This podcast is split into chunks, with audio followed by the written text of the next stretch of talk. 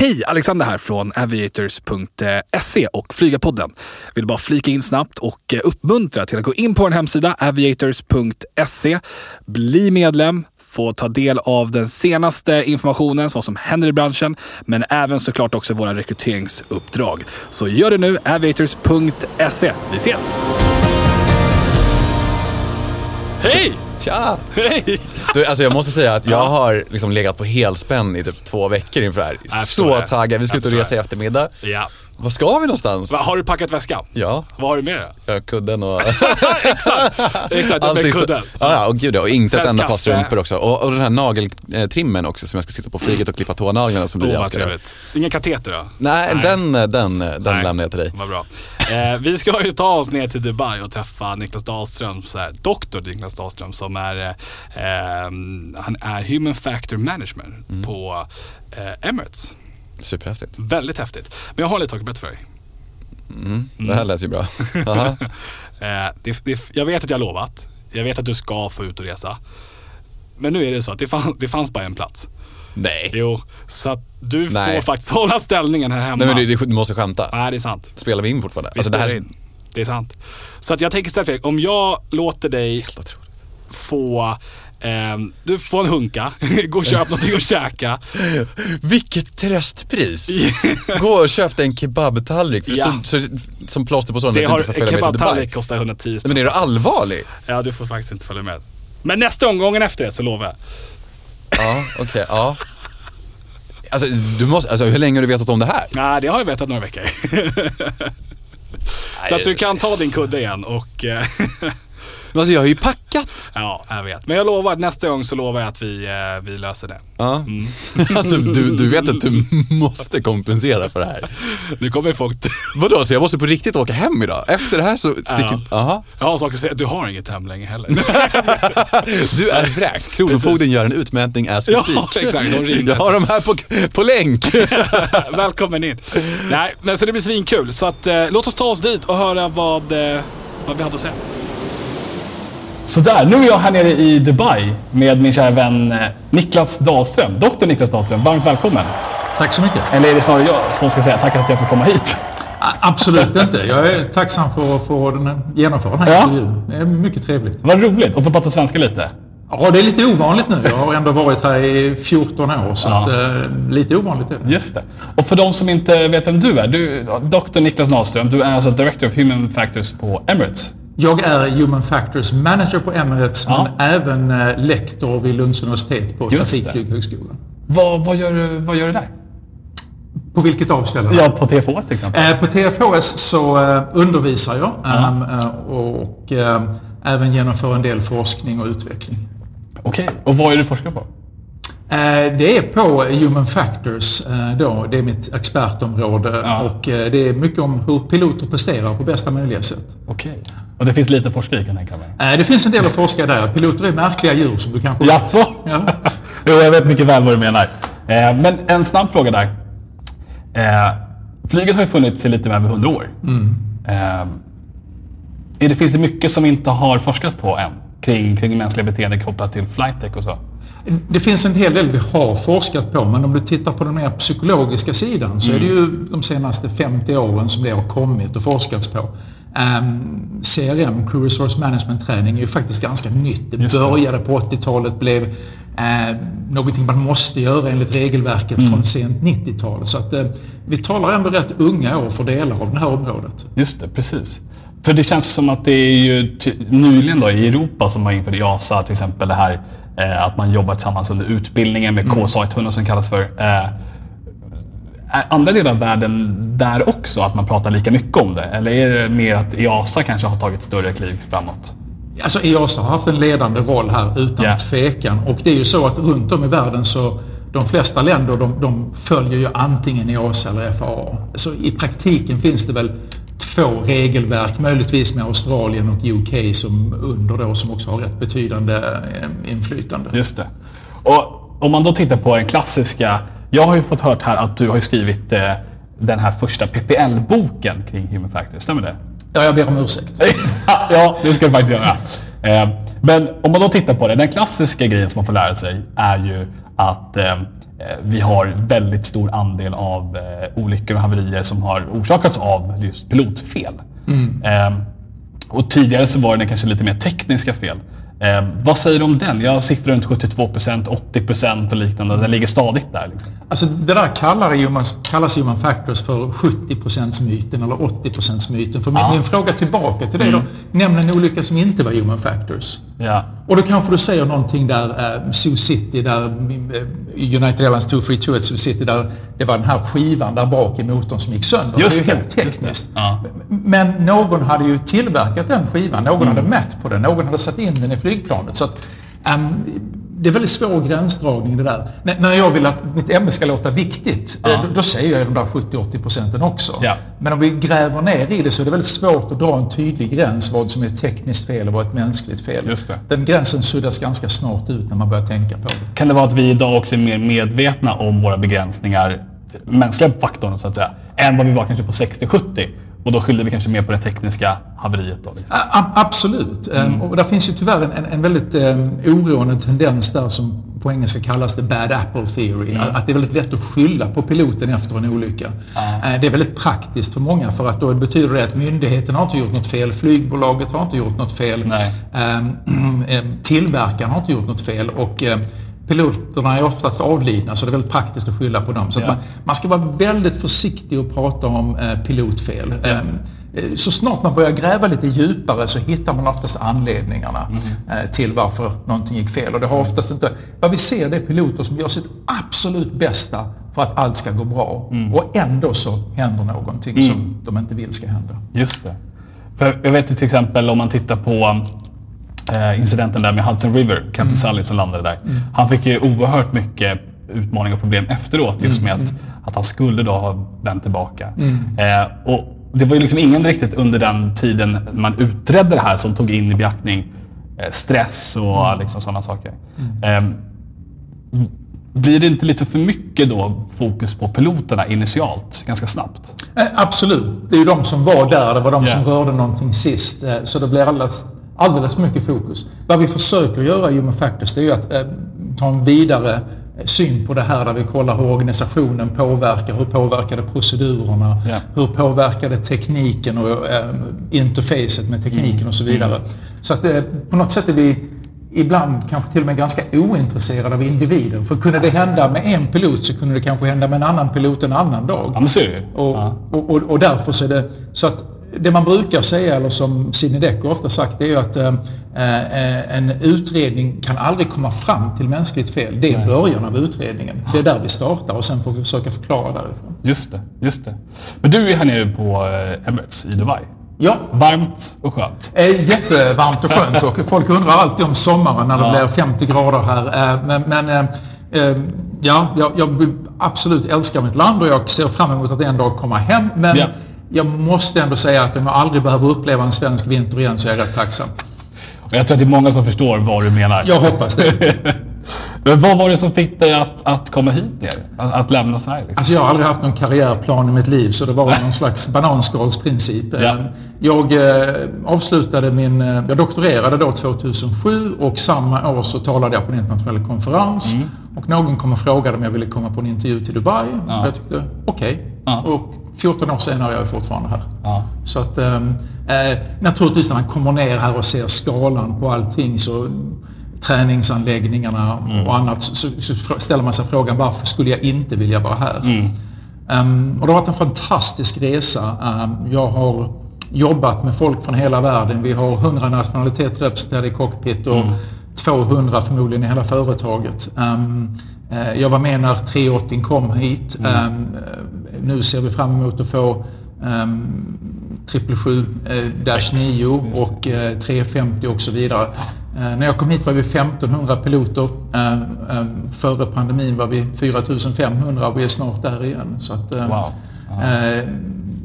Ja, det har varit en otroligt intressant resa. Just det. Och till det också kabinbesättningsmedlemmar och det måste ju vara flera tusen. Eh, Tiotusentals Ja. talar vi här. Ja. Nu kommer jag inte ihåg vad num- Nej. numren är nu, men vi, om vi är fullt bemannade så talar vi förmodligen över 20 000. Ja, det är som en stad. En mindre svensk stad. Eller en ganska stor svensk stad. En ganska medelstor svensk stad. Malmö? Nej. Nej. det, det ska vi inte börja på det spåret.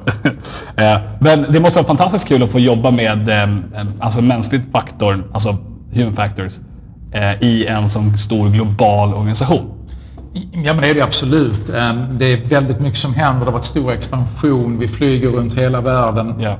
Så att eh, de olika utmaningar man ställts för har varit eh, fantastiskt intressanta och givande.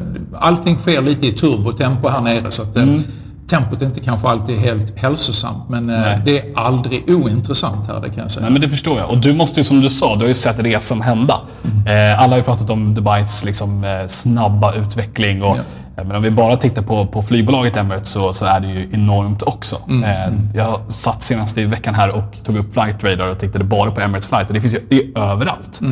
Eh, det måste vara ganska kul att vara inne i en sån organisation och jobba då nära med piloterna att höra verkliga historier också. Alltså från på linjen. Liksom. Ja, det är ju fantastiska historier man får höra ofta. Ehm, eh, Men inte bara det, utan även att det är ett eh, flygbolag med väldigt höga ambitioner. Och då menar jag inte bara kommersiellt eller för marknadsföringsmässigt, utan har höga ambitioner i vad man gör. Ehm, eh, Träningsmässigt, de piloter vi tar in och så vidare. Så att, eh, det är alltid ett tryck på att göra bättre. Det. Eh, Och, och det är naturligtvis press ibland, men mestadels bara inspirerande. Ja. Vad, vad, vad ditt jobb då går ut på är ju då att, att se till att hålla en, en så pass hög säkerhetsnivå som möjligt kring pilotbeteenden och kabinbesättning och liknande. Ja, alltså väldigt enkelt uttryckt så min, min, min första uppgift är att Ja. utveckla och leverera CRM-träning. I, I första hand för piloter eh, och kabinpersonal. Mm. Eh, men jag har även eh, samarbeten eh, rakt över hela organisationen. Så var jag väldigt glad för att jag intro, introducerat Human Factors till delar som aldrig sett det som skeduleringspersonal och eh, eh, security och så vidare. Och jobbat med engineering, jobbat med Sky Cargo på cargo-sidan. Så att, Just eh, det. det har både varit att göra det som måste finnas bättre men Mm. faktiskt att komma in på helt nya områden också. För CDM känns det som att man låser sig fast, att man fortfarande pratar piloterna emellan. Ja, ja. Men att det går ju över hela organisationen. Eh, absolut. Och ehm, en sak som jag är väldigt glad och stolt över det är att Mm. vi har ehm, ehm, combined CRM-training tillsammans, eh, pilot och kabinpersonal. Det är inte i sig unikt, men vi genomför det i en full, full flight kabinsimulator. Eh, vilket jag tror är ganska unikt och genomför Mm. scenarier där kabinpersonalen samarbetar med piloter. Ja, det är ju fantastiskt väldigt bra. För om det är någonting som är det svåra med träning, det är ju att simulera att nu händer faktiskt på riktigt och att man integrerar kanske då, eller interagerar med andra personer. Ja. Eh, och som sagt, ni är ju inte bara fem i kabinen och två på flight utan det är ju, eh, det är ju ett stort manskap som, som ska operera den här flygningen. Ja, så hela dynamiken förändras ju när man har, nu vet jag inte de exakta numren, men vi talar Nej. 16, 18 och kanske upp till 24 Ja. kabinpersonal i en, en 380. Ehm, så att dy- dynamiken förändras på alla sätt. Mm. Och, och det kan vara från dramatiska situationer till de mer enkla situationerna. Eh, alltså bara att hur man ska hantera en sådan grupp på en layover Ja. eh, kan vara ganska klurigt. Just det, precis. Har du något tips där, någon här lärdom som du har tagit med dig? Liksom, hur man ska... Ja, det tror jag. Och det är att eh, alltså idag för piloter så eh, när det gäller ledarskap så det är kanske inte samma sak som var 30 år sedan. Det är lätt att ta ett steg tillbaka och kanske ge mig över mer ansvar till eh, cabin manager eller person. Mm och då, då, när man inte är lika synlig så är det svårt att plocka upp ledarskapet när man väl måste. Man, man, måste liksom vara där, vara synlig, ta chansen att prata för att eh, de stunderna man får tillsammans är så små. Och tar man inte chansen att göra någonting, att så att säga markera sin närvaro på ett positivt sätt så, så eroderas själva grunden för att utöva ett ledarskap. Just det. Och där är det väldigt lätt att man så att säga, ja det är ju person som tar Ja. ansvar mest Ja. så de pratar med sin personal och så lämnar man över där och sen så plötsligt ska man stå upp och säga att "Nej, men nu måste vi göra det här. Ja, delegerat ansvar som... som ja. Men det där är ju intressant, för det där blir ju lite som eh, varför, även om det är då styrman till exempel som, som flyger, så är det ju alltid kaptenen som välkomnar ombord. Och det har jag hört, det får du rätta mig här nu om jag har rätt eller fel, men det är för att man ska etablera ett förtroende hos passagerarna. För det är kaptenen som kommer sen berätta om någonting är på väg att hända. Stämmer det? Ja, generellt sett. Ja. Jag är inte riktigt säker på hur ortodox det är, eh, vare sig här eller över Nej. industrin. Men, men naturligtvis så vi reagerar fortfarande på den typen av saker. Ja. Ehm, och ä- även om kanske man inte har möjlighet att gå in i detalj på vad som händer när man pratar med passagerare Nej. så, så är det ändå så att när man sitter där som passagerare har man ingen kontroll och man vet inte vad som ska hända härnäst. Nej. Så vad vi brukar säga är att även om det inte finns någonting specifikt du kan säga, kan du bara säga att eh, jag återkommer om 15 minuter, ja. så har du gett passagerarna ett minimum av förutsägbarhet vad som ska hända mm. härnäst och därmed lite mindre stress. Men, intressant, för att jag eh, har alltid tänkt, eh, jag har själv föreläst och liknande utbildat, och ett problem som vi har stött på, eller vi ser, det är att det finns ju ingenstans i en pilotutbildning där man pratar om passagerare på, på, på ett sånt här sätt. Mm, mm. Eh, det kommer ju att man får lära sig på linjen. Mm. Eh, och då hör man kanske andra kaptener hur de beter sig, hur de pratar. Så anammar man sin egen roll i det. Är det inte ganska viktigt i utbildningssammanhang att man pratar om just passagerarna? För det jag inte skulle vilja det är att ha 400 passagerare som, som blir stressade eller blir oroliga. För det vet inte jag vad, kan, vad det kan leda till för problem. Mm. Eh, anammar du någon sån tänk så att vi måste bli bättre på liksom, att kommunicera med passagerarna och på vilket sätt vi gör det? Inte det här klassiska kapten, bla, bla, bla, mm. utan på ett tydligt sätt. Liksom. Ehm, jag tror du har rätt att det fortfarande är ett underutvecklat område. Ja. Jag, jag tror du har helt rätt i det. Ehm, vi försöker ta hand om det. Vi tar upp det på vår ehm, kaptenskurs naturligtvis. Mm, mm. Vi pratar om det väldigt mycket i samband med det Combined CRM som jag pratade om. För mm. det är naturligt att ta in det för då, då jobbar man just i den Precis. miljön i en simulator. Sen är det oerhört svårt att simulera ja. passagerare ja. när man inte har dem där. Men även då att vi flyger över hela världen så kan vi förmodligen eh, förvänta oss väldigt olika reaktioner beroende på vilken typ av passagerare vi har. Eh, vissa kan man säkert beordra att sitta ner och de kommer att göra det. Mm. Andra förmodligen mindre sannolikhet att de kommer mm. att göra det om de blir oroliga. Ehm, så att ehm, ja, det finns en hel del psykologi i det och jag, jag tror både vi och andra industrin ja. kan göra bättre med detta. Precis, ja, men det, det tror jag skulle uppskattas av många mm. där ute. Liksom. Um, ni flyger som sagt överallt. Ja. Ehm, och en sak som jag har lagt märke till det är att ni flyger mycket kring eh, utvecklingsländer. Mm. Eh, och, och, där måste ju också, som du sa, var lite inne på det, att det blir en, en ändring och att det blir annan typ av flygning, alltså med passagerarna. Till exempel när jag flög ner hit nu så var det en som blev inlåst på toaletten. Hon visste inte hur toaletten låstes ah, upp. Okay. Hon var där i 30 minuter. Och ja. Vi svenskar som var ombord, vi fick liksom så här, nej men gud hur är det? Nu har hänt någonting. Men hon hade bara låst in sig. Hon visste inte hur hon skulle öppna dörren. Och passagerare eller kabinmedlemmarna kom ut och liksom bara visade att nästa gång, då låste du så här. Ja. Att det var mer en fokus på utbildning ja. än hur mår du? Och jag tänker så här, då, då slog det mig att men, när man reser och flyger och jobbar i don, den miljön så stöter man på passagerare mer mm. som kanske aldrig har sett ett flygplan mm. än mellan Stockholm och Malmö-Sturup. Mm. mm. Alltså förstår jag tänker? Ja. Det måste ju vara en, en, annan typ av, som du sa, man kan inte stimulera mm. passagerarens reaktion. Eh, det måste vara ganska vanligt förekommande. Ändå. Alltså egentligen inte. Ehm, ja, när man flyger på växande marknader så ja. får man naturligtvis eh, folk som inte har flugit tidigare. Men, men det är inget större problem Nej. eller någon Nej. större utmaning. Det, det, det, är väl kanske vår vardag så vi tänker inte på det på det sättet. Och, och, de flesta människor dessbättre, de, de gör som människor omkring sig. Ja. Oavsett vilken kultur man kommer ifrån. Ja. Alltså jag skulle inte säga att det är Nej. någon speciellt stor utmaning till vardags. Um, det skulle mer då vara att, att um, Eh, förväntningar på service är väldigt olika eh, ja. från olika länder. Mm. Eh, och från olika grupper från olika länder också. Ja. Och när, när, man försöker ge bästa möjliga service så går det ju alltid att fråga efter lite mer. Ja. Så, så, att det kan nog vara den vanligare svåra ah, situationen. Okay. Ja, men det kan, det kan jag tänka mig. Ni har ju en fantastisk produkt också. Så att det är ju, jag kan tänka, och det är inte gratis heller. Nej, Nej. Men hur, om man då tittar tillbaka till den skandinaviska marknaden. Ja. Um, Tycker du om att jobba med skandinaviska piloter? Jag menar, om jag ställer en raka fråga. Ja, men absolut. Jag har ju fortfarande en hel del studenter som är piloter som ja. går på vårt eh, bachelorprogram eh, på eh, Trafikflygarskolan. Som är väldigt trevligt. Och, och ehm, det finns för och nackdelar i olika miljöer man är. Mm. Man kan säga att här nere så är det väldigt väldigt rakt, väldigt direkt. Ja. Det är stora krav på att man ska prestera i sin roll. Ehm, I Sverige är det lite mjukare och mer förstående och, och finns så att säga möjligheter att göra på olika sätt på ett annat sätt. Men mm. Man kan alltid komma med ett argument och det kan man ibland här men inte alltid. Så att ehm, eh, jag har nog vant mig vid det här att eh, det går rakt och att det ska göras ja. och, och trivs rätt bra med det. Men jag trivs också väldigt bra när jag kommer hem och den här lite mjukare, mer... Eh, där det inte är så stor hierarki och så. Mm. Det, så att jag, jag finner glädje i båda miljöerna. Mm. Och eh, jag är inte riktigt säker på hur jag skulle anpassa mig tillbaka helt och hållet om jag kom hem permanent. Nej. Tror du Malmö skulle ta emot det då? Det, det, vet jag att de skulle, för jag är en stor supporter av Malmö FF och har varit hela mitt liv. Så att, eh, ja. Jag saknar mitt fotbollslag och min familj eh, väldigt mycket. Annars har jag det mesta jag behöver här. Ja, jag förstår. Ja. Ja, men intressant. Möjligtvis Onsala korv också. men då, ska vi, då måste vi ta med det. Vi får, nästa gång jag kommer ner hit så får vi fixa med det. det det löser Vi har många skånska kompisar som, som kan säkert hjälpa till att skicka det.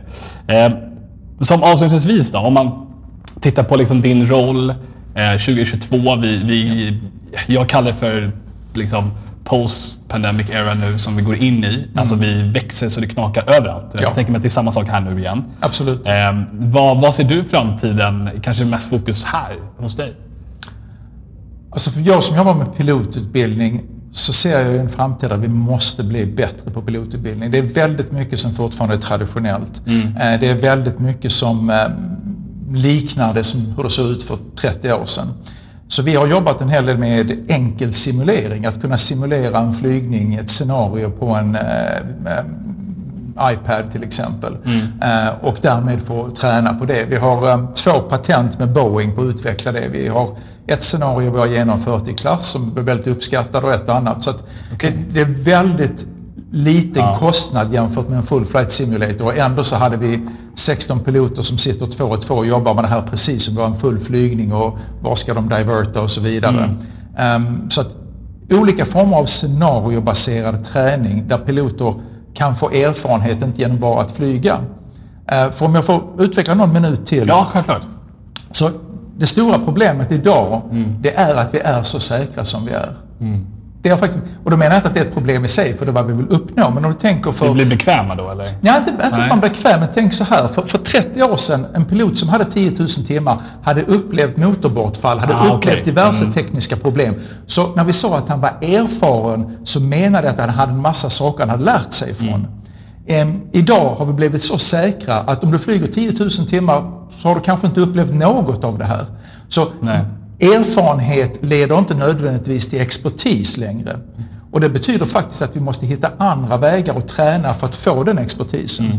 Och där ser jag som en oerhört stor utmaning. Historiskt sett kunde vi räkna med att en pilot som hade gjort ett antal år, ett antal tusen timmar, hade uppnått en viss erfarenhet och expertis.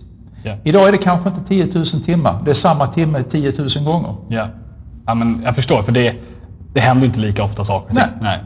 Ehm, så där skulle du vilja då implementera mer sådana eh, scenarion liksom, under utbildningen? Ja, alltså, om man tänker sig visionen här vore mm. att, att, att, du som pilot på ett mm. bolag hade en, en bank med kanske 100 scenarier. Så du ska flyga till Moskva så är det tre scenarier varav två är vinteroperationer. Så du går igenom de scenarierna innan du flyger vilket mm. ger dig en enorm förberedelse plus att du har tränat upp det lite grann då. Eh, på ett väldigt smidigt och eh, kostnadseffektivt sätt. Men då i simulatorn? Liksom. Eh, ja, fast i, i en enkel simulator. Ja. Helt enkelt på skärm om du så vill. Just det. Men då kan man ju applicera till exempel VR och sånt. Absolut. Ja. Um, frågan är dock, och det kanske vi inte ska gå in på i det här läget, men, men, men, hur mycket VR tillför utöver det. Ja. För att poängen är här att, att det är väldigt mycket fokus i flyg generellt men även i träning på tekniken. Ju mer teknik vi kan använda desto bättre mm. blir det. Och då glömmer man att när du har suttit i ett klassrum som pilot yeah. så har du den bästa simuleringen innan någon säger det här hände mig förra veckan. Yeah. Och så börjar de berätta om en smoke event eller så. Så. Mm. Alla i klassrummet är nu flyttade till den här världen, till det som hände, tänker på mm. vad de skulle göra. Så det är en lågnivåsimulering om du vill. Det. Så det viktiga när man ska se simulering, det är att historien, att berättelsen är bra nog. Får du en bra berättelse så kommer alla med, alla lär sig. Mm. Um, men det är väldigt svårt att få många att förstå det här att mm. tekniken är faktiskt i andra hand i förhållande till berättelsen. Just det. Just det. Ja, men intressant reflektion. Ja. Och berättelsen har ju funnits och den finns ju, den är ju enkel. Du behöver inte skapa någonting. Jag, jag tror att alla, åtminstone till en generation piloter uppe mm. idag, de har lärt sig oerhört mycket av att prata med äldre piloter. Så, ja. Och tyvärr så blir det mindre och mindre utrymme för det. Mm. Mindre tid i klassrum, mindre tid att, att, att prata tillsammans. Man ofta slimmat ner när man kommer till flygplanet mm. och så vidare. Eh, så att de berättelserna går inte runt på samma sätt som förr. Och det där oroar mig för jag tror det är en oerhört stor del lärande i ja. de här berättelserna. Men det är också som du var inne på, det är ju en skillnad en, en kapten idag som korsar Atlanten jämför med kapten som korsar Atlanten på 60-70-talet. Det är en helt annan historia. Absolut.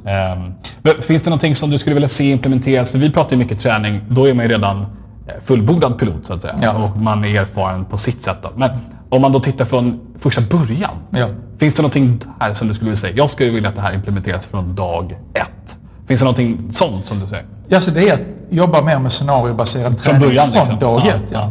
Alltså, det finns universitet runt om i världen som har skiftat att gå helt till case-based eh, Mm. undervisning. De har inga föreläsningar längre. Varje dag är det ett case och du lär dig från det här caset. Då. Jag kan tänka mig något liknande, att, att dagen innan du går till dina eh, lektioner i navigation eller vad det nu må vara, så får du ett fall och funderar på hur ska du klara hur ska du hantera och hitta hit och dit, vilka eh, hjälpmedel ska du använda? Så att vi ställer frågan först och sen får du jobba fram till svaret. Istället för att bara prata från det här, Just stå och peka och det här måste du lära dig. Gillar du inte det? Nej, men alltså, jag gillar det. Jag är, väl- jag är ganska bra på det. Jag har Ja. hört min egen röst alldeles för mycket här i livet. Men, men eh, ehm, jag tror inte det är lika effektivt. Nej. Eh, och, och jag tror inte det är lika intressant eller eh, ens roligt för studenterna. Eh, och, och jag menar, då kan du naturligtvis bolla tillbaka frågan varför har du inte genomfört detta redan om detta är mission? Och då vill jag, det tar alltså tid. Det är jättesvårt att utveckla bra scenarier. Och, och där tror jag eh, inte industrin som helhet har förståelse för vikten av att ha bra scenarier och tiden det tar att utveckla dem. Ja, men jag, jag håller med dig fullständigt. Eh, som har varit eh, lärare, eh, om man då tittar ämnet operation. Eh, väldigt tråkigt ämne när man kommer till vissa regler och liknande. Men när man då börjar ta upp exempel. men Så här funkar det. Precis. Då blir det en helt annan närvaro. Ja. Så poängen är att, att istället för att ha exemplet på slutet, Mm. börja med exemplet. Och så låt folk jobba fram till en förståelse. Istället för att du ska överföra vad du har i ditt huvud till dem Ja. och sen illustrera det med ett exempel. Ja, jag ska ta med mig det där faktiskt till nästa gång. ja, men det är bra, bra förslag. Eh, tiden är ute. Jag tackar så hemskt mycket Niklas för att jag fick komma hit och träffa dig. Nej, tackar, eh, och göra den här eh, eh, svenska podcasten. Eh, så att, eh, tillbaka till eh, studion i Stockholm. Ja, det var väldigt trevligt, väldigt kul. Eh, och väldigt Ja, intressant. Eh, och just att prata om eh, hans resa, hur han hamnade där. Det är ju lite skillnad från att vara på ett svenskt företag och sen Absolut. att vara på, det är ju liksom världens liksom mest liksom kända flygbolag, alltså med premium eh, och allt möjligt. Och det är extremt, extremt stort. Så det var väldigt intressant och väldigt häftigt att vara i den miljön och kunde inte annat än att känna mig lite hemma. Ja, men jag kan ändå tänka mig det, för jag ville gå in på att men du har ju lite afrikanskt ursprung. Nej, det ska jag inte göra! Pipjong matpong! Nej, det är fan asiatiskt. ja, exakt. Vad fan. Eh, ja, men ska vi... För att citera Greta Thunberg, sometimes you gotta go balls deep into a whale to get your brother out of jail. Oh shit, det var tungt. Ja, shit. Nej men, uh, nej, men alltså, superintressant att få höra liksom om, precis som du säger, hans resa men också lite insikt och insyn i, i ett så stort och ökänt bolag som Emirates ändå är. Ja, verkligen. Så det var superhäftigt, superintressant och framförallt kul att få höra lite om deras resa framåt och också vad han tror om liksom, framtiden kring, kring flyget och sådär. Så att, eh, ja, det var kul. Så jag lovar att nästa gång vi ska ut eh, på en turné så lovar jag att jag tar med dig Fredrik. Ja men jag förväntar mig privatjet med Li. Vi får ringa upp henne och eh, höra. Styr upp det där. Yes. Mm. Tills dess, ha det bra hörni. Detsamma, hej.